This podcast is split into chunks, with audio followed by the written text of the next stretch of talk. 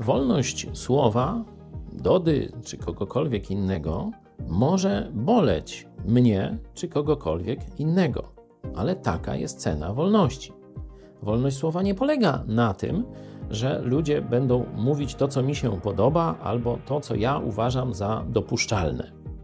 Często nawet chrześcijanie, nawet protestanci idą w kierunku takiego zamkniętego, zaściankowego rozumienia wolności słowa i myślą, no, jeśli mm, na przykład Biblia mówi tak i tak, to nikomu nie wolno mówić inaczej, no bo to Bóg powiedział. No nie, Bóg dał nam wolność. Adam i Ewa e, tę wolność w raju mieli e, i zgrzeszyli. Człowiek będzie grzeszył.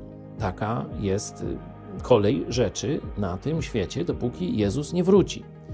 I wolność polega na tym, że ja drugiemu człowiekowi daję prawo wyboru. Bóg mu dał prawo wyboru i ja mu daję prawo wyboru. Oczywiście nie mówimy o zbrodniach takie, które, takich, które są regulowane przekazaniami nie zabijaj, nie kradnij i tak dalej. Ale mówimy o sferze wolności, która nie jest regulowana tym prawem moralnym, bożym, czego nie wolno ludziom robić, i to rzeczywiście w kodeksach karnych też podobne przepisy: nie zabijaj, nie morduj, nie kradnij, nie oszukuj, e, nie oczerniaj i tak dalej. To wszystko w kodeksach jest. Ale poglądy, ktoś może wierzyć w Boga, ktoś może nie wierzyć w Boga, ktoś może czcić nawet diabła. Jest to jego wolność. Ja tego mogę nie pochwalać. Jeśli pozwalamy ludziom robić różne rzeczy, czy wierzyć w różne rzeczy, to musimy im też pozwolić mówić rzeczy na ten temat.